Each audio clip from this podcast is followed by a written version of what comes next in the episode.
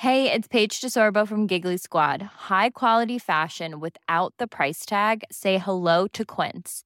I'm snagging high-end essentials like cozy cashmere sweaters, sleek leather jackets, fine jewelry, and so much more. With Quince being 50 to 80% less than similar brands. And they partner with factories that prioritize safe, ethical, and responsible manufacturing. I love that. Luxury quality within reach. Go to quince.com slash style to get free shipping and 365 day returns on your next order. Quince.com slash style. Hey, I'm Ryan Reynolds. At Mint Mobile, we like to do the opposite of what Big Wireless does. They charge you a lot, we charge you a little. So naturally, when they announced they'd be raising their prices due to inflation, we decided to deflate our prices due to not hating you. That's right. We're cutting the price of Mint Unlimited from $30 a month to just $15 a month. Give it a try at mintmobile.com slash switch. $45 upfront for three months plus taxes and fees. Promote for new customers for limited time. Unlimited more than 40 gigabytes per month. Slows. Full terms at mintmobile.com. Quality sleep is essential. That's why the Sleep Number Smart Bed is designed for your ever evolving sleep needs. Need a bed that's firmer or softer on either side? Helps you sleep at a comfortable temperature? Sleep Number Smart Beds let you individualize your comfort so you sleep better together. JD Power ranks Sleep Number number 1 in customer satisfaction with mattresses purchased in-store. And now, save 50% on the Sleep Number limited edition Smart Bed for a limited time. For JD Power 2023 award information, visit jdpower.com/awards. Only at a Sleep Number store or sleepnumber.com. Palmemordet. De som erkände.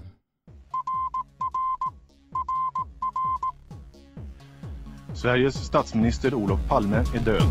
90 000. Ja, det är mord på Sveavägen. Hörde de säger att det är Palme som är skjuten. Mordvapnet med säkerhet är en Smith Wesson, en revolver kaliber .357. Inte ett svar. Finns inte ett svar. För jag har inget. Polisen söker en man i 35 till 40-årsåldern med mörkt hår och lång mörk rock. Välkomna till podden Palmemordet som idag görs av mig, Tobias Henriksson på PRS Media. Varje avsnitt som ni lyssnar på bygger på dagar, veckor och ibland till och med månader av research. Det här, ja, det tar såklart tid. Tid som på något sätt ska hämtas in rent ekonomiskt. Om du gillar våra ansträngningar med podden och vill uppmuntra oss att fortsätta i samma anda kan du gå in på patreon.com palmemordet och donera en summa som podden får per publicerat avsnitt. Det är alltså patreon.com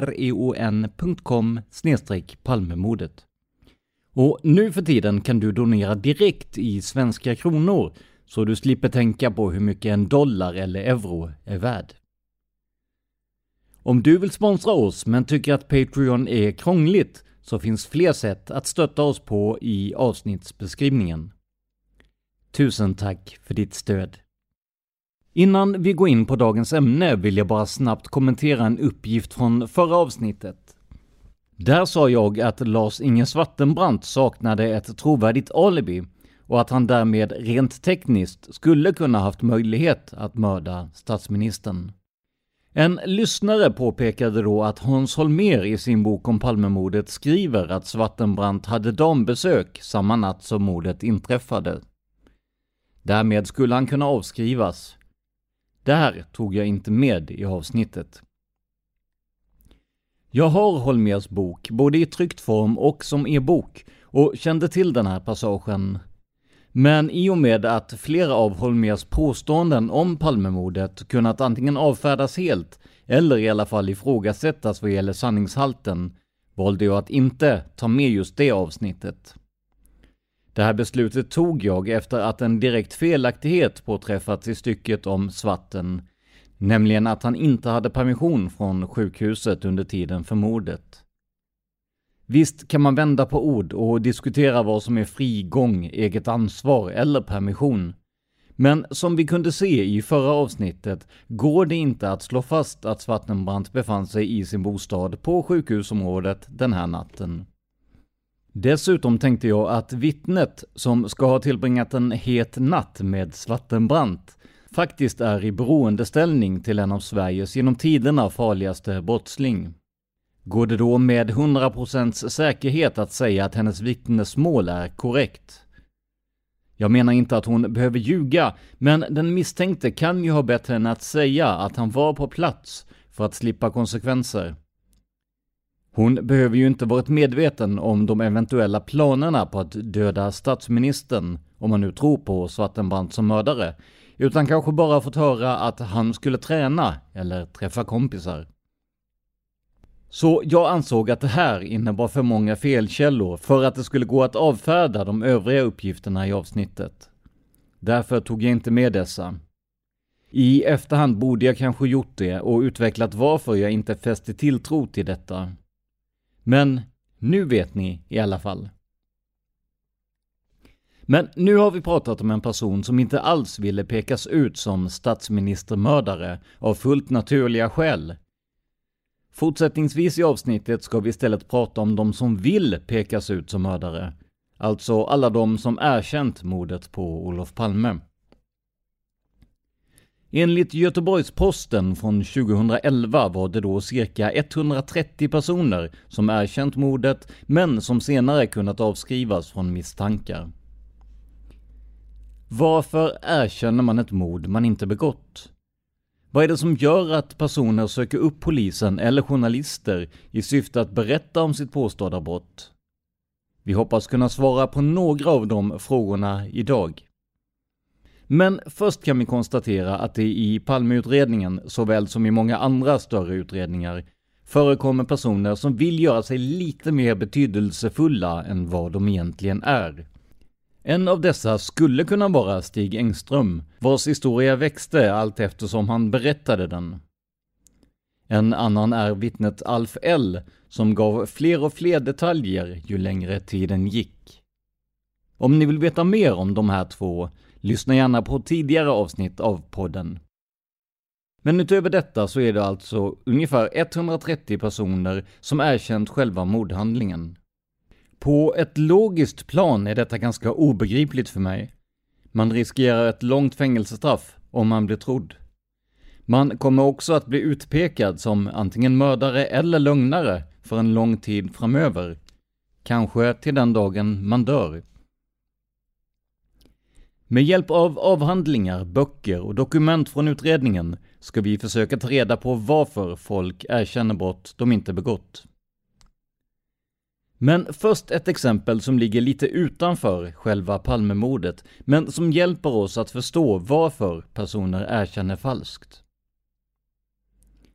I Falun härjade under mitten av 1970-talet en eller flera pyromaner, där hus, förråd och till och med husvagnar sattes i brand. Ett antal ungdomar mellan 9 och 18 år misstänktes snart för dåden och dessa häktades senare. Tre av dem dömdes för brotten. Det var bara ett problem. Ungdomarna har senare tagit tillbaka sina erkännanden och sagt att de är oskyldiga. Många år efter de här händelserna ringde en person till journalisten Hannes Råstam och sa att det var han som tänt på och att han nu ville ställa saker och ting till rätta. Hannes var enligt egen uppgift skeptisk men när personen kunde ge honom detaljer som bara polisen och gärningsmannen kunde känna till, ja, då väcktes intresset. Det här blev grunden till Råstams dokument inifrån från 2008 med namnet Varför erkände de? Programmet sändes i SVT.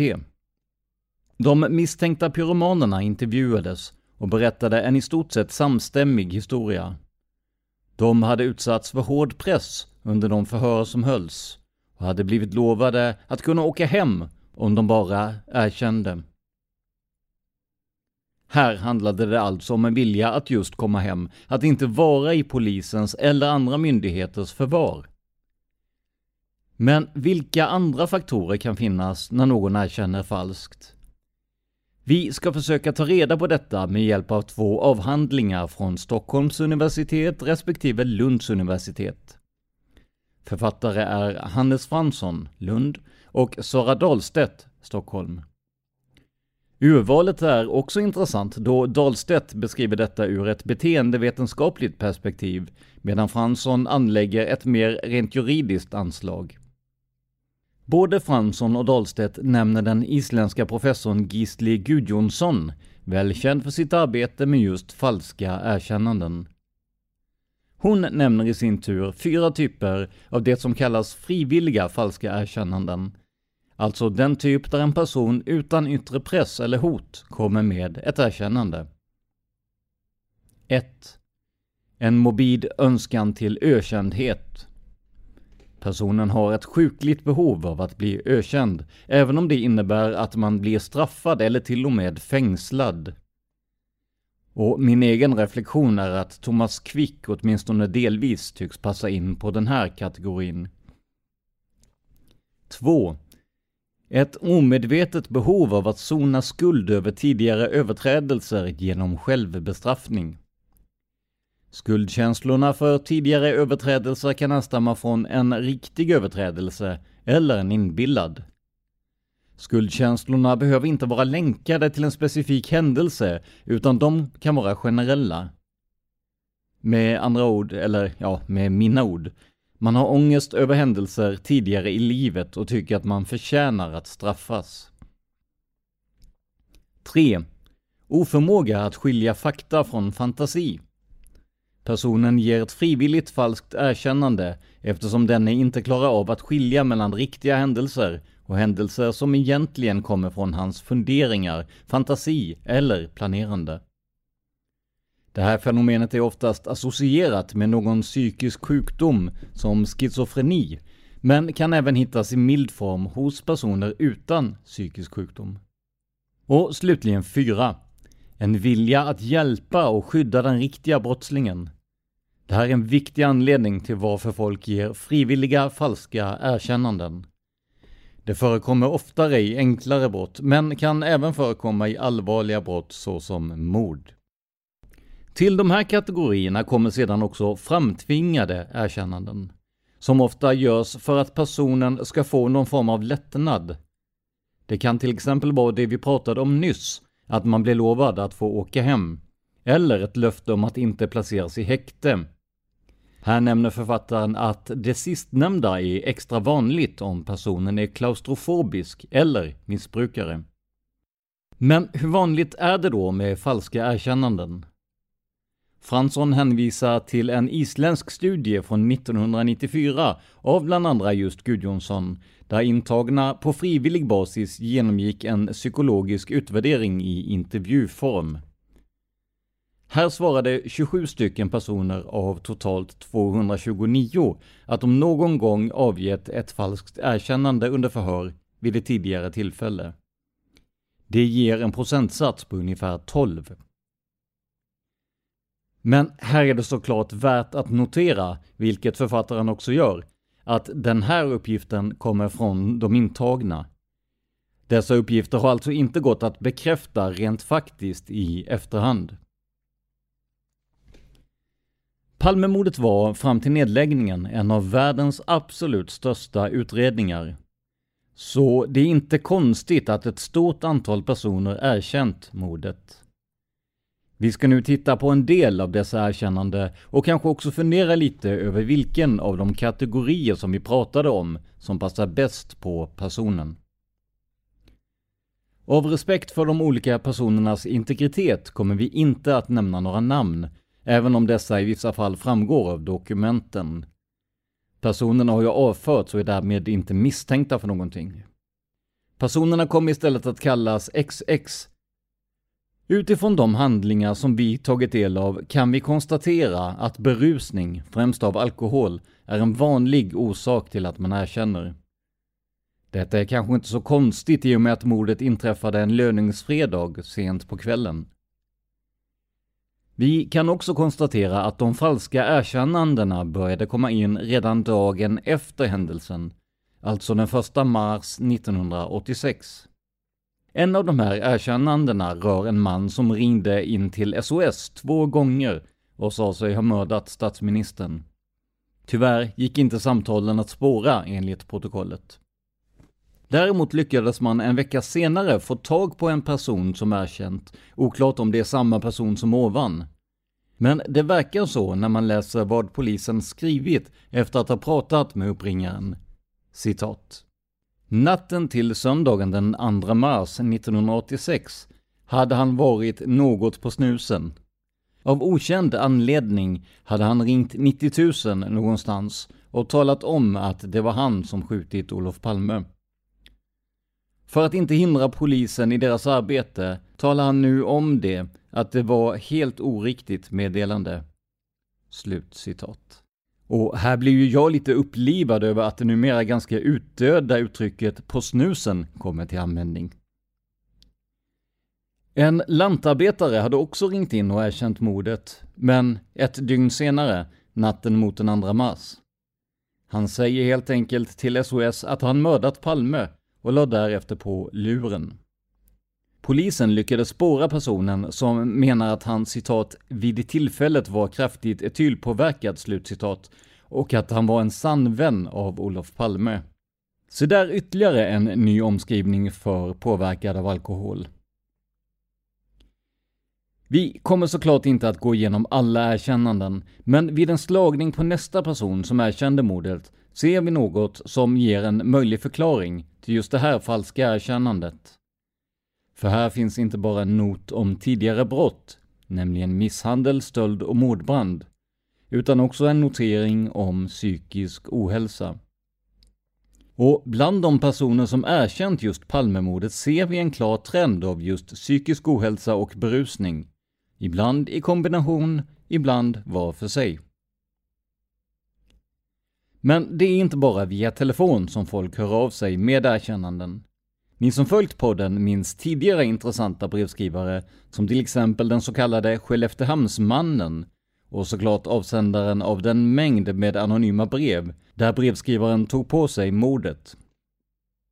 Men det här var långt ifrån alla som just skrev brev för att erkänna dådet. Den stackars änkan, alltså Lisbet Palme, fick ta emot brev med erkännanden hon med. Så här kunde det låta. Citat. Det var jag som mördade Olof Palme. Jag är inte svensk, mig får ni inte tag på. Sveriges folk kan vara glada att jag mördade Palme, för han tänkte sälja Sverige till främmande land. Han led av storhetsvansinne. Sveriges folk och dess invandrare kan vara glada att Palme är borta, för han ville regera världen. Han var som Hitler. Jag postar detta brev i Norrtälje för att vilseleda er. En välgörare för Sverige. Slutcitat. Ett annat brev med samma handstil, troligen alltså från samma person, lyder så här, citat. Ni har tagit fel person till Olof Palme, mördare. Det är orättvist att han ska sitta åtalad som är oskyldig. Det är jag som har mördat Palme, men mig får ni inte tag på. Jag var och tittade på Palmes begravning. Jag tyckte det var orättvist att han hedras så mycket. Det var han inte värd, så jag ångrar inte att jag mördade honom. Kanske att det blir flera så småningom, om de för samma politik som Palme, för han arbetade för Sveriges undergång. Hoppas det blir bättre nu. Slut citat. Och så var det ju det där med berusning och falska erkännanden. Palmegruppen, som redan tidigt i utredningen borde varit rätt luttrade av erkännanden som inte går att ta på allvar, fick ta emot många sådana. Här kommer ytterligare ett exempel. Citat. 1987 11 25 ringer XX i berusat tillstånd och erkänner mordet på Olof Palme. Samtalet som pågick i cirka 20 minuter bandades. Min bedömning är att XX i sin ensamhet söker kontakt telefonledes med någon som vill prata och lyssna på honom. Därför valde han polisen och ämnet Palme. XX synes vara alkoholmissbrukare. Uppgav att han konsumerat två helflaskor starksprit i denna berusning. Under samtalets gång sker en märkbar attitydförändring. XX erkänner att han mördat Palme samtidigt som han försöker skapa en spontan bild av händelsen. Han undviker kontrollfrågor. Undertecknad erhöll inget svar vid kontrollringning på XX angivna telefonnummer. Förslag till åtgärd. En patrull bör kontakta XX som han önskade för ytterligare bedömning. XX bör höras när han tillnyktrat. Brottsregisterutdrag och bandinspelning bifogas. Slut citat. Vi ska titta lite närmare på det här med just missbruk och psykisk ohälsa i samband med falska erkännanden. Men först, en av de personer som skrivit och pratat mycket om just falska erkännanden är Sven Å Kristiansson, tidigare Sven-Åke Kristiansson.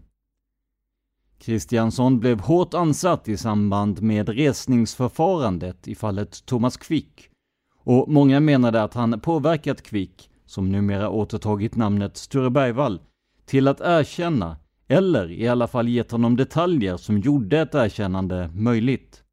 Kristiansson citeras tillsammans med andra experter i Franssons avhandling om ämnet. Fransson är transparent med att Kristiansson fått skarp kritik men menar att han försöker vara vaksam på vilken information han citerar från just den här källan. Så nu vet ni att delar av det vi nu kommer att prata om alltså kan tillskrivas just Kristiansson. Men nu citerar vi alltså Franssons avsnitt om just psykisk sjukdom och personlighetsstörningar. Citat. Som anges i detta avsnitt tenderar personer med psykiska sjukdomar i en högre utsträckning än andra avge falska erkännanden. Att diagnostisera personer som har en personlighetsstörning är en komplicerad fråga som blir ännu mer komplex när personen utöver störningen har ett kriminellt beteende. Personerna har ofta en så kallad multiproblematik, beroende på att de kan ha flera symptom på grund av olika typer av psykiska störningar, såsom drag av psykopati och paranoida drag. Men det är även vanligt med en missbruksproblematik. Uppskattningsvis har cirka 60-70% av dessa individer någon form av missbruksproblematik. En personlighetsstörning innebär i korthet att en person har ett dåligt fungerande beteendemönster på grund av allvarliga, djupgående fel i sitt sätt att se och uppfatta sig själva och det egna beteendet, men också i sina relationer till andra människor. Studier har visat att cirka 10% av befolkningen uppskattats ha någon form av psykisk störning. Funktionsnedsättningen i beteendet varierar i stor utsträckning och vissa beteenden, såsom ångest och hallucinationer, är hanterbara med hjälp av till exempel medicinering och terapi. Personlighetsstörningar anses vara av en mer komplicerad art då de inte kan påverkas kortsiktigt med hjälp av till exempel medicinering. Personlighetsstörningen leder till långvariga psykologiska mönster gällande hur personen ser sig själv och dennes förståelse för sin relation till omgivningen och sig själv. En skillnad mellan den med psykisk störning och människor utan psykisk störning är att en frisk människas karaktäristiska drag är anpassningsbara och flexibla, medan den med psykisk störning inte kan anpassa dessa drag. Den bristande anpassningsförmågan innebär inte bara en påtaglig funktionsnedsättning för personen, utan också lidande. Om detta är situationen benämner man tillståndet som en psykisk störning. Att identifiera olika personlighetsstörningar är grundläggande för att förstå hur en individ bäst bör hanteras. Det finns ett tiotal olika personlighetsstörningar där vissa förekommer mer ofta än andra inom den rättspsykiatriska sfären. Relativt vanligt förekommande personlighetsstörningar är till exempel paranoid personlighetsstörning och schizoid personlighetsstörning. Den personlighetsstörning som är vanligast förekommande inom rättspsykiatrin är den så kallade antisociala personlighetsstörningen, där individens beteende ofta präglas av bland annat upprepad brottslighet och en brist på ånger. Slut citat. Så långt alltså personer som mår genuint dåligt och erkänner.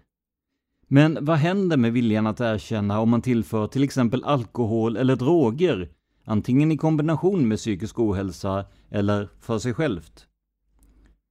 Vi citerar Fransson igen om just den här problematiken. Citat.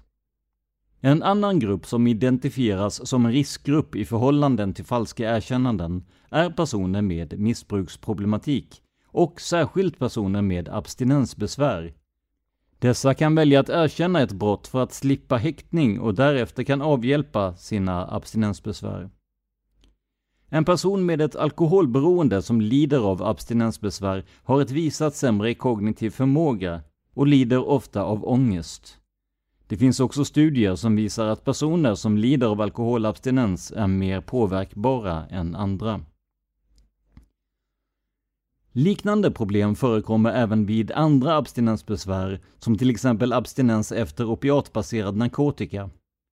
Även personer som befinner sig i dessa situationer har en förhöjd risk för att avge falska erkännanden.” Slut citat. För er som vill läsa mer om vad som kan påverka att man erkänner falskt finns länkar till avhandlingarna i såväl avsnittsbeskrivningen som på facebook.com Palmemordet. Efter mordet på Olof Palme satte man bevakning på bostaden på Västerlånggatan. Och även de här fotpatrullerande polismännen fick ta emot erkännanden. Här ser vi också att viljan att ange personer med utländskt utseende eller härkomst var stor. Faktum är att det känns som att Holmers teori om kurderna slagit igenom i tipsfloran här.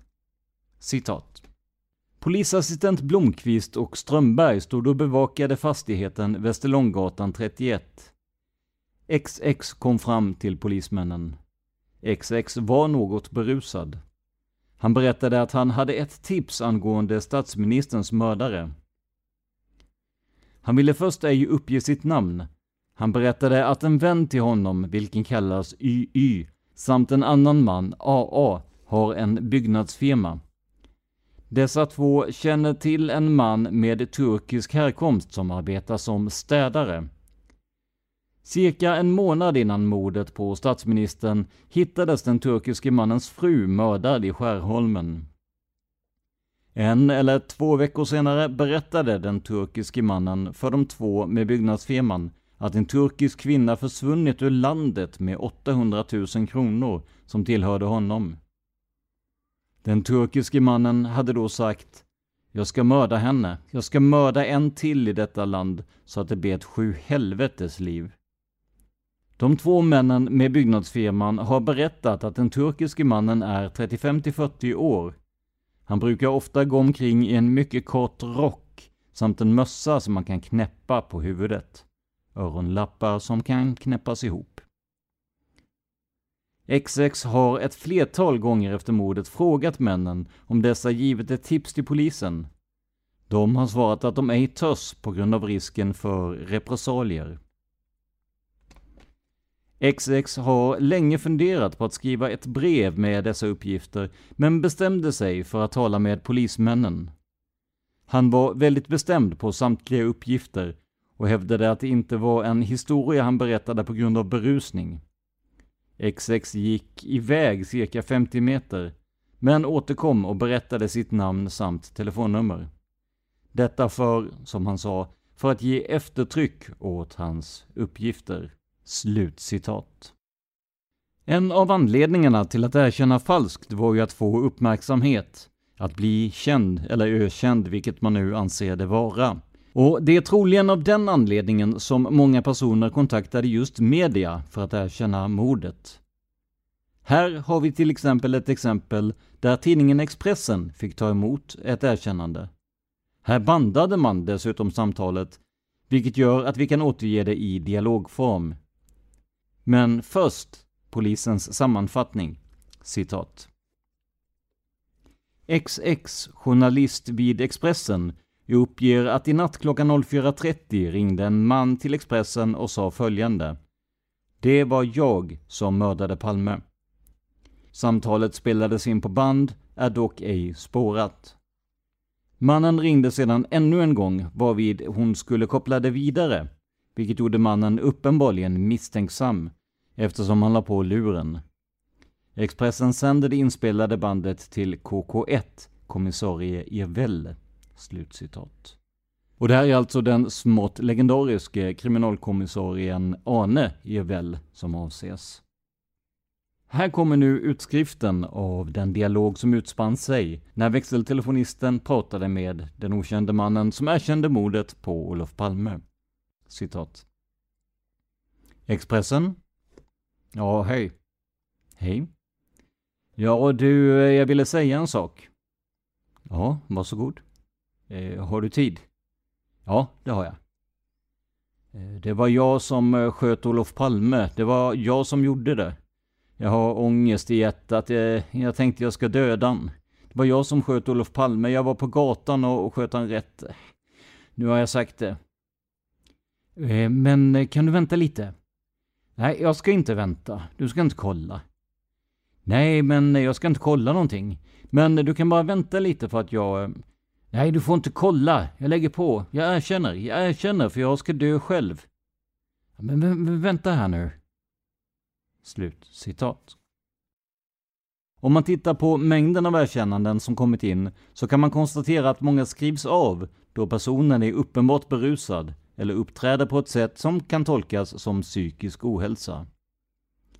Det är fullt förståeligt då det kom in en massiv mängd tips och erkännanden. Men så här, många år senare, undrar man ändå om en känsla från en polis är tillräckligt för att avskriva ett ärende. Kanske finns det uppföljningar som vi inte ser här, men vissa ärenden har kommentarer som uppenbart berusad eller troligen psykiskt sjuk, varpå ärendet rekommenderas att avskrivas.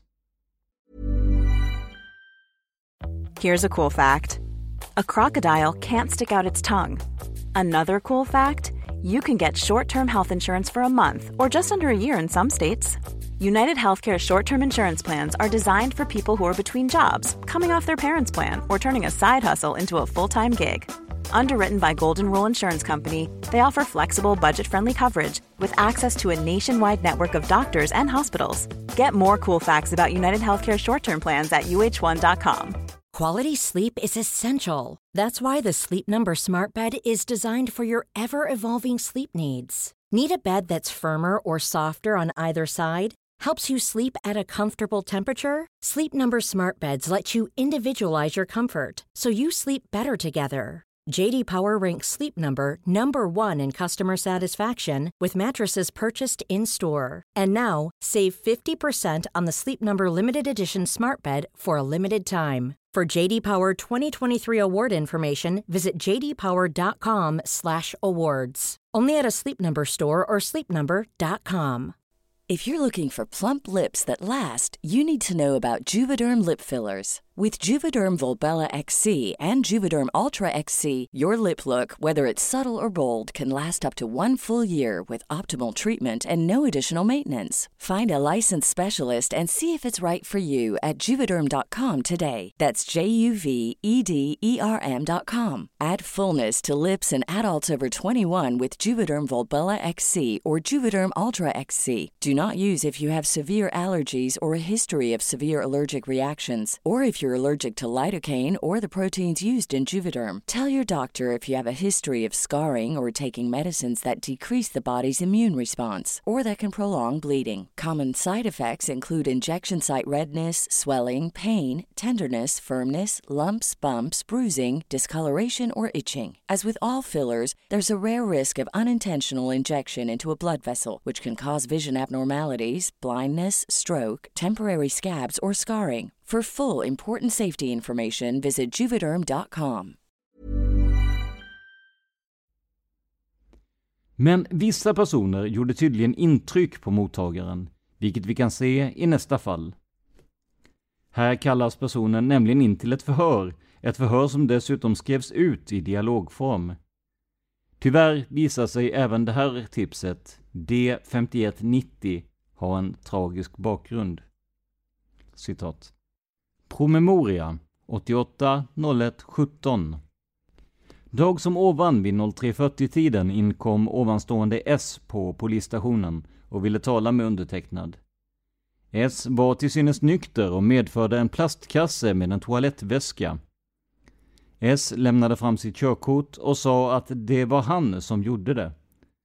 Tillfrågad om vad det var han gjort sa S att han ville erkänna ett mord.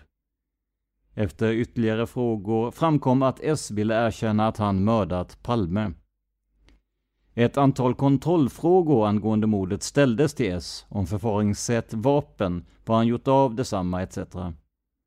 Det visade sig då att S bara ville tala om att han använt revolver och att han senare kastat densamma i sjön, dock ville han ej upplysa om vilket vattendrag. Diverse andra frågeställningar vägrade S att svara på, utan sa bara att han gjort det och använt revolver.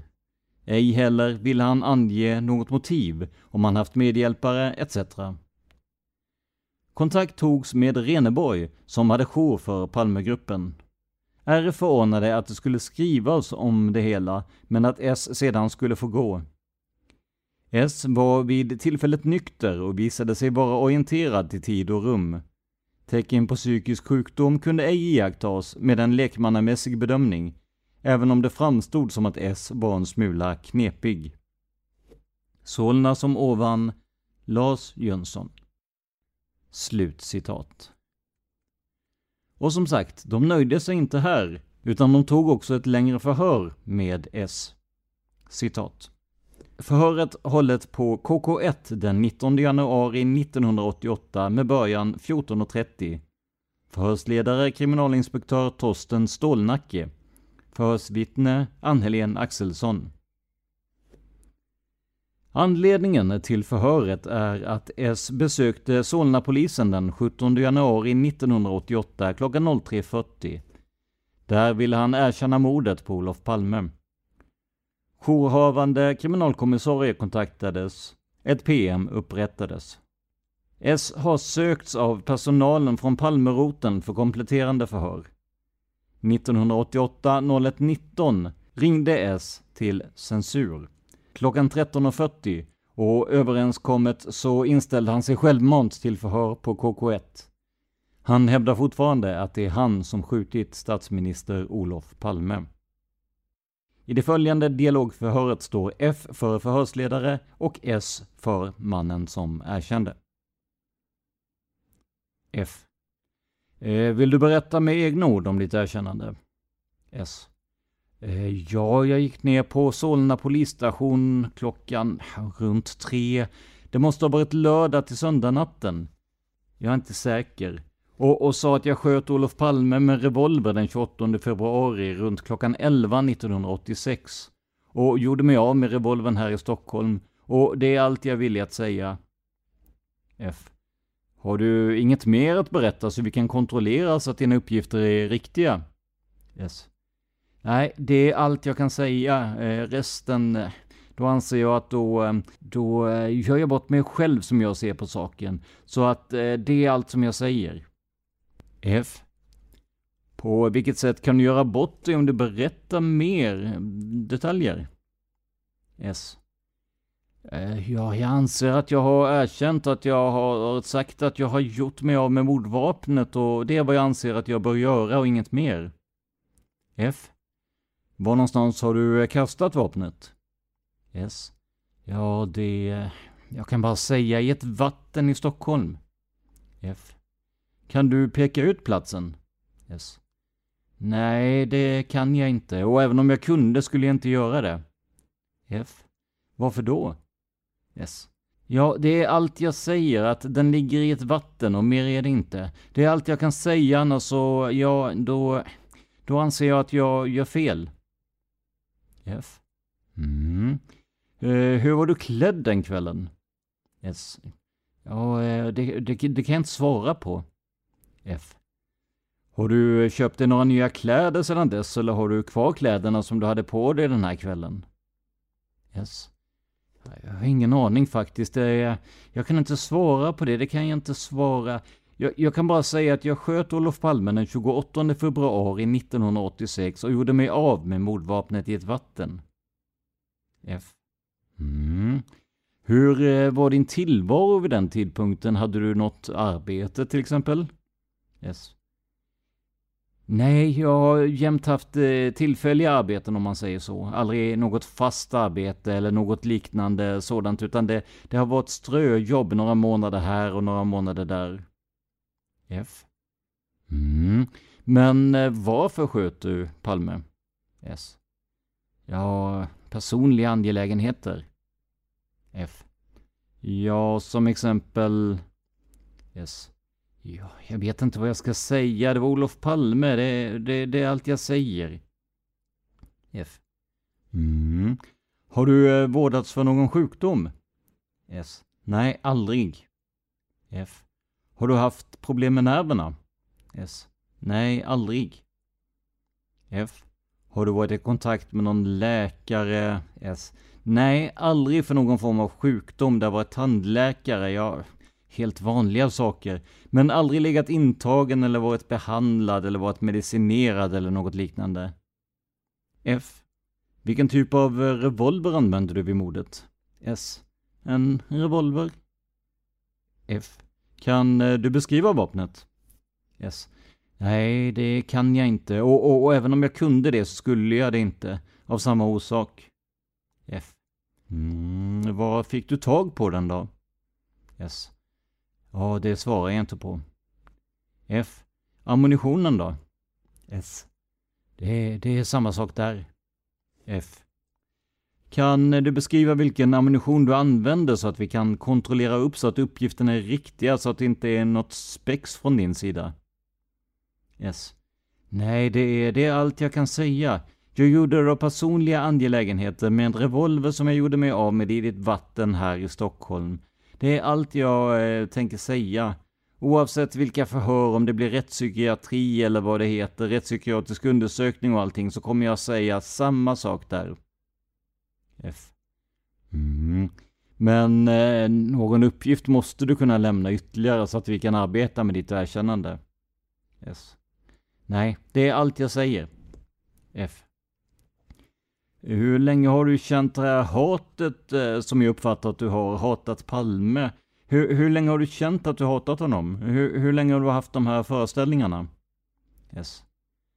Jag kan säga så här att jag har aldrig gillat honom.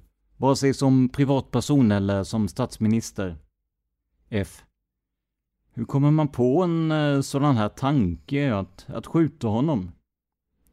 S. Ja, det är väl er fråga som era psykologer eller något liknande ska ställa sig. Jag vet inte. De får väl gå igenom min bakgrund och dra sin slutsats. F. Kom du på det här samma kväll som du sköt eller har du planerat under lång tid?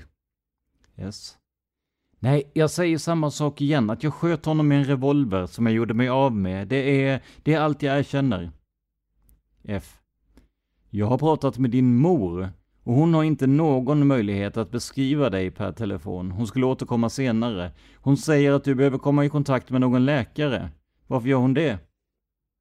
S. Ja, oh, det vet jag faktiskt inte. F. Hon har ju bildat en uppfattning om dig. S. Jo, men jag skulle tro att hon ser nog på mig ur annan synvinkel än vad de flesta ser på mig. Jag tror hon ser mig som en... Jag vet inte riktigt. F. Eh, var någonstans bor du? S. Nej. Fyra rader censurerade kommentarer. F. Det låg mycket post. S. Ja, jag har inte varit där på eh, sedan... Jag vet inte riktigt när. Jag har inget riktigt begrepp om tiderna efter så att säga. F. Mm. Vad har du sovit de senaste nätterna? Kommentar svaret överstruket. F. Hon eh, kände inte till var du befann dig när jag frågade henne idag. Eh, som jag uppfattade henne så bodde du någon annanstans. S. Ah, jag vet inte, det kan ju... Förmodligen är hon nervös och alldeles till sig på alla sätt och vis. Hon vet nog inte riktigt vad hon säger. F. Har du eh, några kamrater? S. Nej, det... Jag har alltid varit rätt ensam, gjort saker ensam. Alltid. Jag har väl inga sådana där dödspolare som man säger, utan det är väl, ja, vanligt folk man har känt hela livet sedan skolan. F. Vem eh, träffade du senast? Vem eh, umgicks du med senast? S. Ja, det är väl egentligen ingen. Jag har väl suttit ner hos min mor, det är väl allt. F. Hur ser en eh, normal dag ut för dig? S. Ja, det har väl varit kaffe, cigaretter och tidningar. Det är det enda. F. Går du ut och träffar folk på nöjesställen, dans eller på någon pub eller så? S. Nej, mycket sällan. Det var ja, kanske i 18-20 års åldern, 22 som jag var ute, om man säger i vanlig mening. F. Eh, du får prata lite högre. S. Inte gjort någonting så att säga. Det har varit lite ströjobb. F. Eh, vi ska återgå till själva mordet och mordplatsen. Hur kommer det sig att du träffade Palme just där du sköt honom? Yes. Ja, jag vet inte vad man... Eh, det kan jag inte svara på. Jag kan bara säga att jag sköt honom och gjorde mig av med mordvapnet. Det är allt som jag kommer att säga, rätt igenom förhör. F. Var någonstans sköt du eh, Palme? Gatukorsningen tänker jag på. S. Tunnelgatan, Sveavägen. F. Men hur kan du få tag på ett vapen på en revolver som inte har några kontakter i någon riktning? S. Ja, jag svarar inte på den frågan. Jag hävdar att det enda jag svarar på är att jag sköt honom och gjorde mig av med mordvapnet. Det är det enda jag kan säga. Resten anser jag är er sak att bevisa eller obevisa. F. Mm. Varför eh, sökte du kontakt med polisen och berättade det här? Det måste finnas några tankar bakom ditt erkännande. Vilket mål? Eh, vill du komma i kontakt med någon läkare genom oss eller? Eh, S. Yes. Nej, jag, jag erkänner. och, och det är allt jag gör. Resten får antingen psykologer eller en psykiater eller någon annan som är insatt bilda en grund på. F. Men kan du återge dina tankar just bakom erkännandet? Yes. Nej, jag kan bara erkänna, det är allting. F. Vad eh, hade du för jobb senast? Yes. Jag hade ett byggjobb som byggstädare i två månader. F. När var det? S. Ja, jag vet inte exakt datum faktiskt. Det måste varit... Ja... Nej, jag kan inte placera det. F. Hur eh, fick du det jobbet? S. Det fick jag väl genom familjen, genom bekanta. F. Vem är det som ordnade jobbet åt dig? S. Ja, det, det var väl egentligen, jag vet inte vem det... Det var väl jag själv som sökte det för att jag behövde tjäna pengar. Och min bror bland annat jobbade som anställd där, så att det gjorde det väl enkelt att få jobb. F. Mm, vad heter din bror? Kommentar svaret struket. F. Var bor han? Kommentar svaret struket. F. Har du hans telefonnummer? S. Nej, ingen aning. F. Kommentar, raden struken. S. Ingen aning. F. Hur gammal är han? Kommentar, svaret struket. F. Vad eh, heter företaget där ni jobbar? S. Ja, jag minns faktiskt inte vad det heter. F. Vad heter arbetsgivaren, han som anställde dig? S. Kommentar, svaret struket. F. Var bor han? S. Ja, det är... Eh, det vet jag faktiskt inte var han bor. F. Eh, hur kommer det sig att du arbetade på det här företaget endast i två månader? S. Ja, jag... Eh, F. Varför slutade du på företaget? S. Ja, det, eh, det kan jag inte svara på. Jag, jag gjorde det bara helt enkelt. Det är samma som det andra, att det får en psykolog eller en psykiater reda ut, enligt sina begrepp. F. Så eh, du tycker att det finns anledning att reda upp de här små begreppen med ströjobb och eh, du vill finna dig själv genom en psykolog? S. Ja, det är väl de som ska bilda en grund om jag, eh, jag är den skyldig eller inte.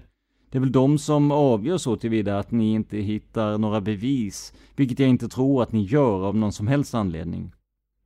F. För det är ju ett alldeles konstigt läge vi hamnat i. Du erkänner mordet på Olof Palme rakt upp och ner utan att ge oss några kontrolluppgifter. Som eh, jag uppfattar så vill du komma i kontakt med en psykolog genom oss. En psykolog som kan tala om vem du är va?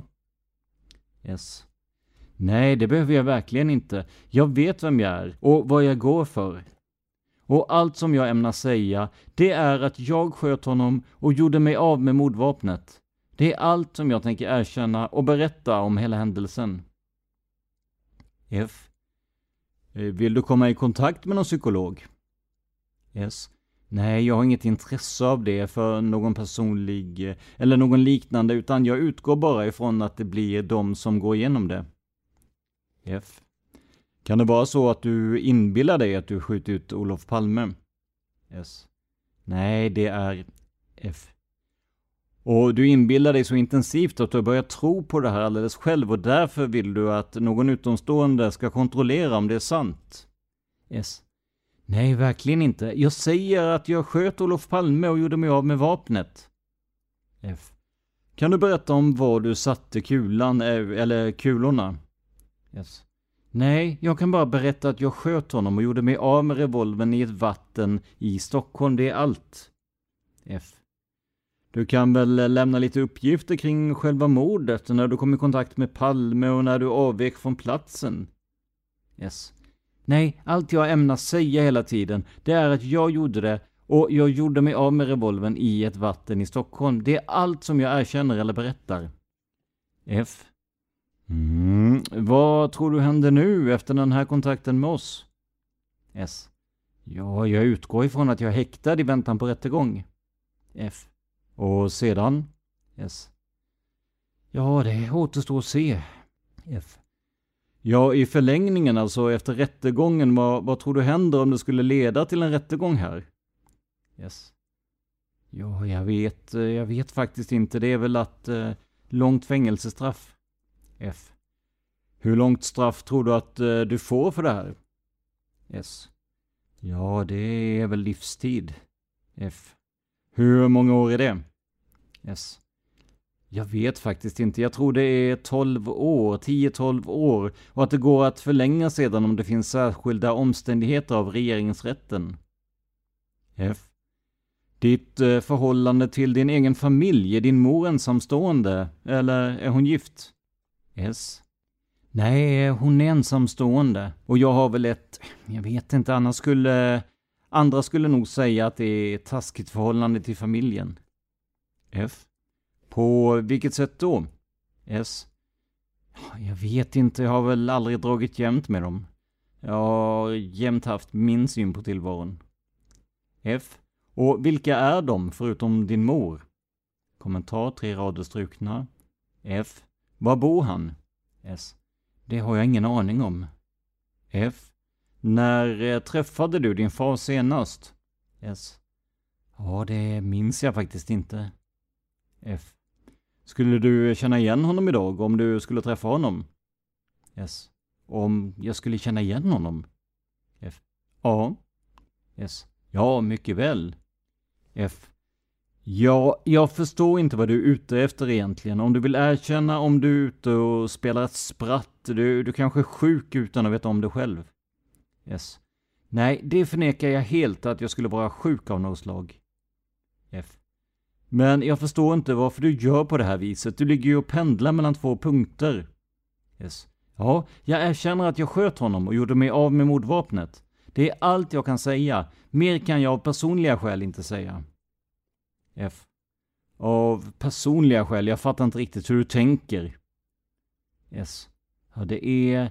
Det är det som jag ser på tillvaron, att jag sköt honom med revolver, jag gjorde mig av med... Eh, därmed är historien slut för mig. Punkt slut. Resten, det är, det är eran sak att utreda. F. Eh, vad säger din mor om ditt erkännande om vi skulle kontakta henne? S. Jag vet inte, hon brister väl i gråt, hon tror väl inte att det är sant. F.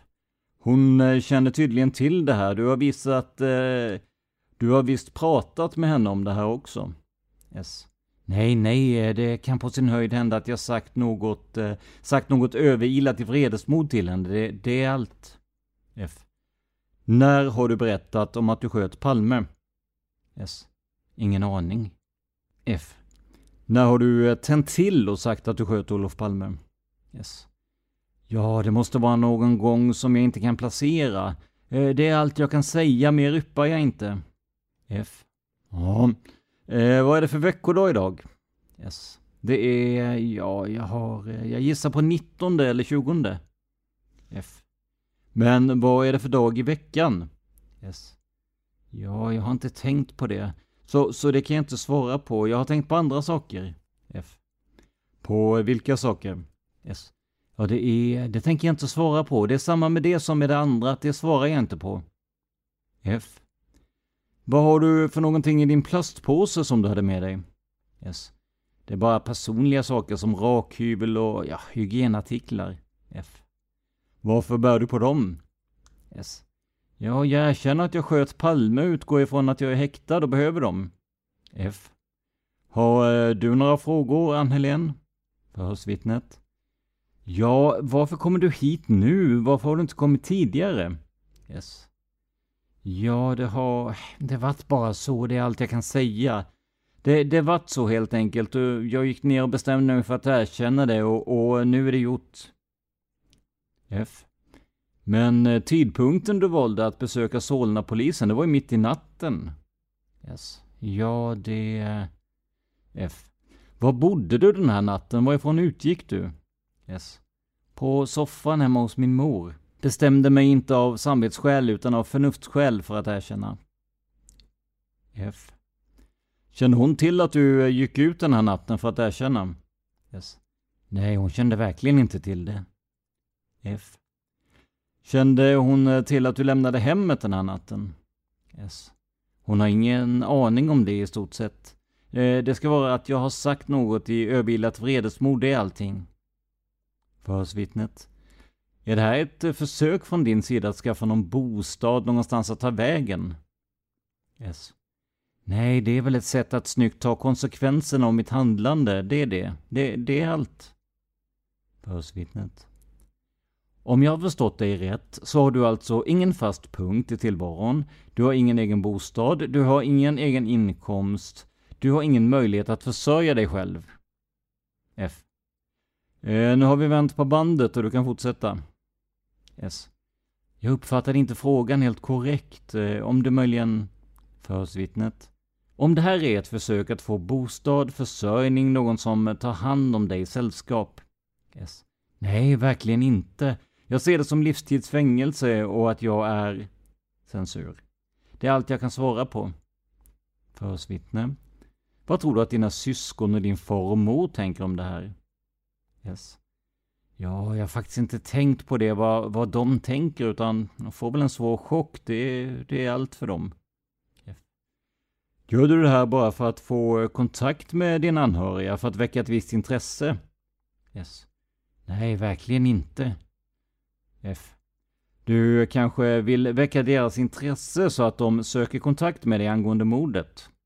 Yes. Nej, jag kan bara svara att jag sköt honom och gjorde mig av med mordvapnet. F. Var har du dina tillhörigheter idag? Yes. Ja, jag har väl egentligen inga tillhörigheter. F. När du sköt Olof Palme, var du klädd på det här viset som du är klädd idag? S. Det kan jag inte svara på. F. Har du några mer kläder hemma så att man... Um, S. Nej, det är helt tomt, där finns ingenting. F. Har du haft eh, gott om kläder vid tidpunkten för mordet så att du kunnat växla att eh, bytit? Yes. Det kan jag inte svara på. Jag säger bara att jag sköt honom och gjorde mig av med mordvapnet. F. Då har jag inga fler frågor att ställa. Förhörsvittnet. Nej.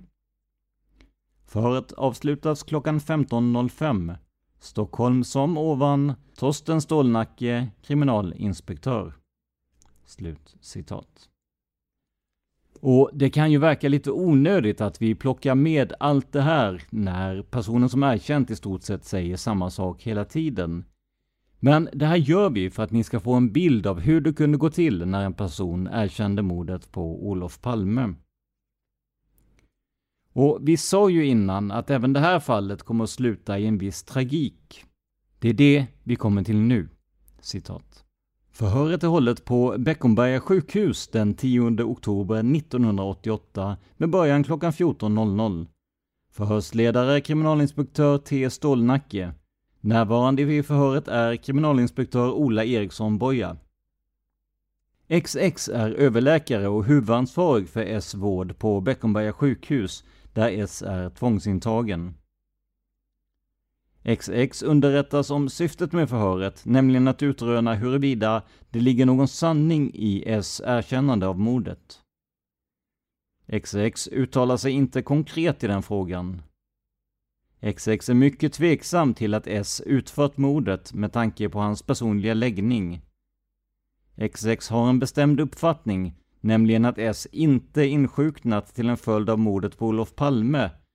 Mordet är överhuvudtaget inte omnämnt i rekreationsvården. S lider av schizofreni. Sjukdomen har uppkommit genom att S under lång tid missbrukat bland annat hasch. Han har varit missbrukare i flera år. S har levt en inaktiv tillvaro. Han är närmast menlös i sin läggning. Han har inte visat några samhällspolitiska intressen. Förhöret avslutas klockan 14.30. XX godkänner förhöret i dess helhet och har ingenting ytterligare att tillägga. Slut citat.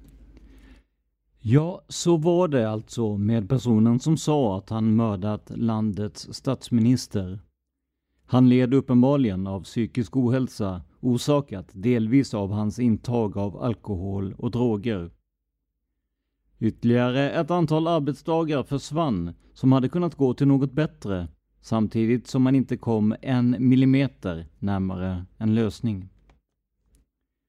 Så här fortsätter stora delar av listan det är personer med diverse svårigheter i livet blandat med personer som ger en så vag beskrivning av händelserna att det inte går att jobba vidare med. Men som ni har hört i dagens avsnitt, kanske speciellt i det sista fallet, så är det många som erkänner för att på ett eller annat sätt få hjälp. Eller som de misstänkta Falu-pyromanerna sa till Hannes Råstam. Vi ville ju bara komma hem. Om ni vill läsa mer om de olika personer som erkänt mordet på Olof Palme så hittar du länken i avsnittsbeskrivningen. Där finns också länkar till de avhandlingar som vi citerat ur.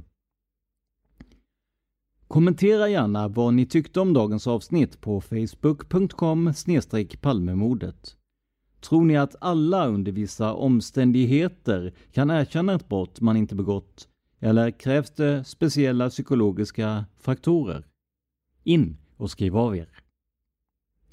Glöm inte heller att sponsra oss via patreon.com palmemordet för att få fler, längre och kanske ännu bättre avsnitt. Det är alltså patreon.com palmemordet. Fler sätt att sponsra oss på hittar du i avsnittsbeskrivningen. Stort tack för ditt stöd! Det här var veckans avsnitt av podden Palmemordet som idag gjordes av mig, Tobias Henriksson på PRS Media. För mer information om mig och mina projekt besök facebook.com prsmedia.se eller vår webbplats prsmedia.se. Stort tack till alla som kommer med stöd i form av såväl sponsring som glada tillrop. Men framförallt Stort tack för att du lyssnar på podden Palmemordet. Man hittar Palmes mördare om man följer PKK-spåret till botten. Därför att ända sedan Julius Caesars tid har det aldrig hört talas om ett mord på en framstående politiker som inte haft politiska skäl. Polisens och åklagarens teori var att han ensam hade skjutit Olof Palme. Och det ledde också till rättegång. Men han frikändes i hovrätten.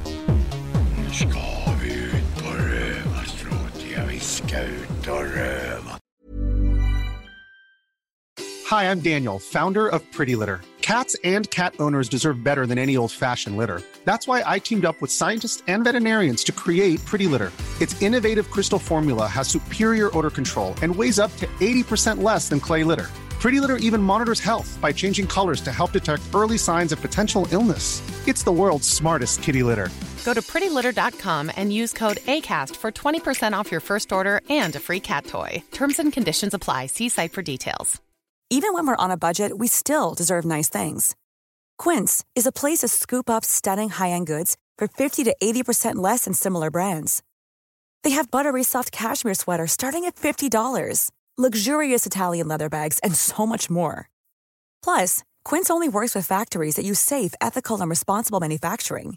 Get the high-end goods you'll love without the high price tag with Quince. Go to quince.com/style for free shipping and 365-day returns. When you make decisions for your company, you look for the no-brainers. And if you have a lot of mailing to do, stamps.com is the ultimate no-brainer. It streamlines your processes to make your business more efficient, which makes you less busy. Mail checks, invoices, legal documents, and everything you need to keep your business running with stamps.com. Seamlessly connect with every major marketplace and shopping cart. Schedule package pickups and see your cheapest and fastest shipping options from different carriers. With rates up to 89% off USPS and UPS rates. And with the stamps.com mobile app, you can take care of mailing and shipping wherever you are. Make the same no-brainer decision as over 1 million other businesses with stamps.com. Sign up with code program for a 4-week trial plus free postage and a free digital scale. No long-term commitments or contracts. That's stamps.com. Code program.